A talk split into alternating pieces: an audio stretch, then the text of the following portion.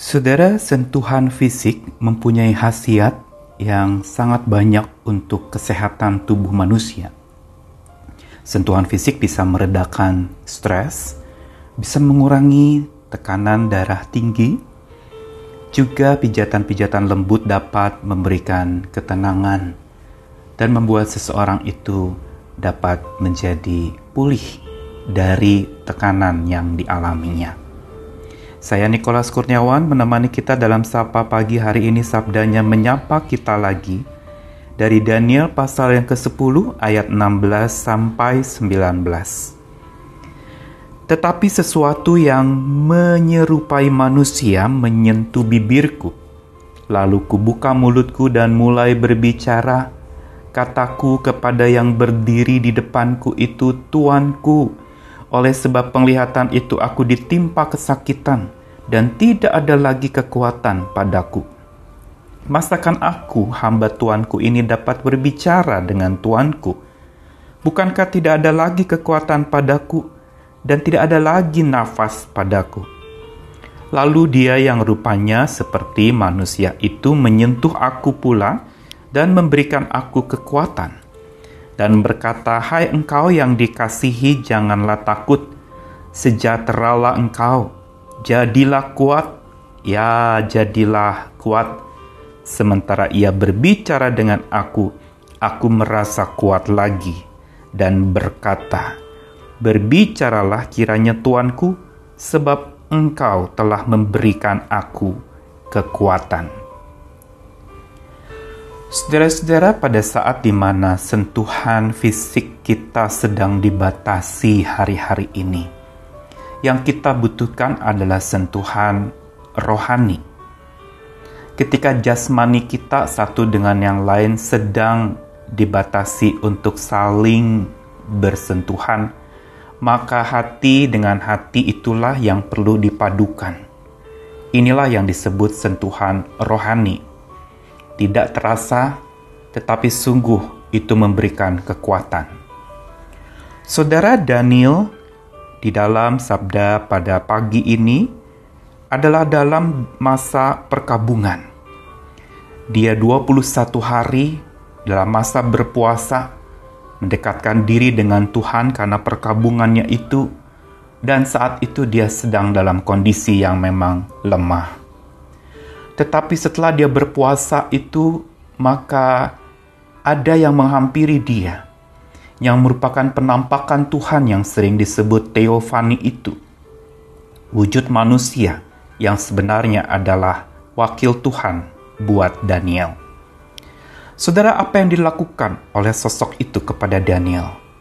Dikatakan ia menyentuh bibir Daniel. Dia menyentuh Daniel, bukan saja bibirnya, tetapi secara fisik Daniel disentuh. Lalu kemudian Daniel mengakui akan segala kelemahannya. Dia mengatakan akan kesakitannya. Dia mengatakan tidak ada lagi kekuatan di dalam dirinya. Bahkan dia katakan untuk berbicara pun aku tidak dapat.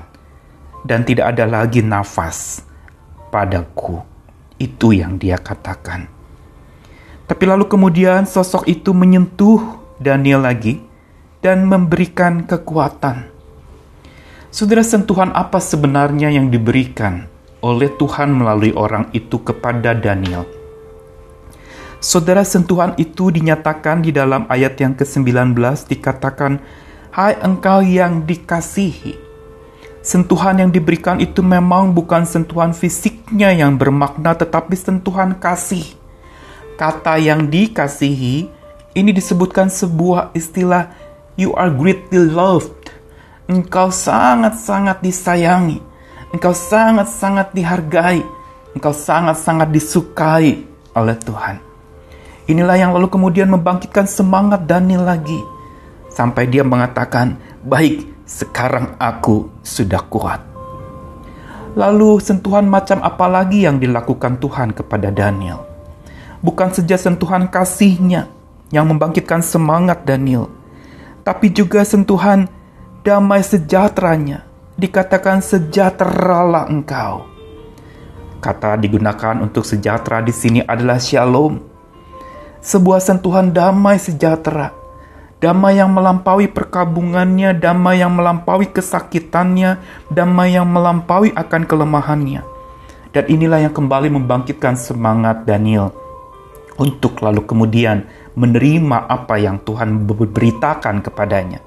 Apa yang Tuhan mau sampaikan tentang nasib sebuah bangsa yang akan mengalami berbagai macam tantangan di masa depan. Saudara, sentuhan kasih dan sentuhan damai sejahtera inilah sentuhan yang Tuhan lakukan. Dan sentuhan inilah yang menjadi satu paket memberi kekuatan kepada Daniel. Inilah yang menyebabkan dia juga tidak takut menghadapi tantangan yang ada di depannya.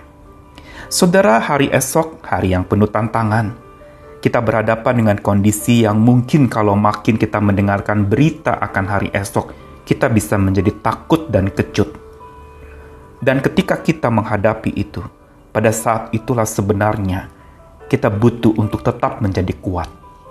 Karenanya, saudara, marilah kita beri diri disentuh oleh sentuhan kasih Tuhan yang membuat kita betul-betul memberi dampak kekuatan dalam diri kita untuk kita lalu menguatkan orang lain lagi. Dan sentuhan shalomnya, damai sejahtera yang dari Tuhan melampaui akal itu, itulah yang menenangkan kita. Karena di dalam tinggal tenang, dalam damai, di dalam kita berserah kepada Tuhan, di situlah kita menjadi kuat. Saudara, mari hari ini kita memberi diri disentuh oleh Tuhan. Sentuhan kasih dan damainya itu jadi kekuatan kita. Kalau Tuhan menyentuh kita, bukan sekedar supaya kita jatuh hati kepadanya, tapi Tuhan mau membuat kita teguh. Tuhan mau membuat kita tangguh, dan Tuhan mau membuat kita sembuh, bahkan menjadi kuat lagi, berjalan bersama kekuatan Tuhan. Salam pagi, selamat berjuang lagi. Tuhan mengasihi kita sekalian dan memberi damai. Amin.